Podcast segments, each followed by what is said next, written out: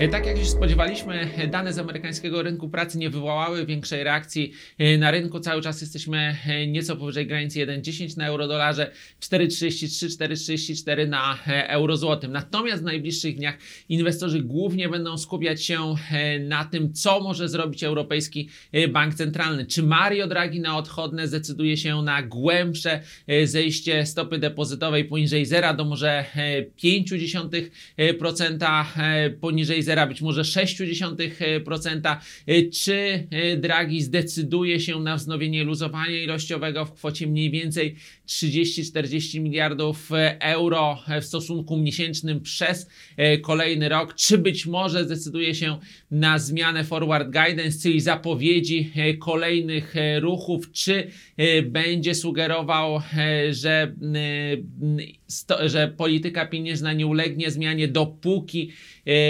inflacja nie zacznie zmierzać w kierunku dwuprocentowego e, celu. Także od miksu tych e, decyzji, od miksu e, tego, co zrobi Europejski Bank Centralny, będzie zależeć, jak w czwartek będą wyglądać notowania głównych walut, również i złotego. Także inwestorzy będą się przygotowywać do tego wydarzenia. Również cały czas inwestorzy będą obserwować wydarzenia związane z Brexitem. Ta konfrontacyjna polityka Borisa Johnsona, te próby e, ominięcia e, wprowadzonego przez, e, wprowadzonej przez e, parlament ustawy przedłużającej e, funkcjonowanie e, Wielkiej Brytanii w Unii Europejskiej do stycznia e, 2020 roku, gdyby nie udało się e, osiągnąć nowego porozumienia. Tego e, nowego porozumienia prawdopodobnie nie będzie. E, Także ważne dzisiaj e, będzie spotkanie e, Borisa Johnsona z premierem e, Irlandii. Jakie informacje z tego e, spotkania e, będą płynąć? Czy ta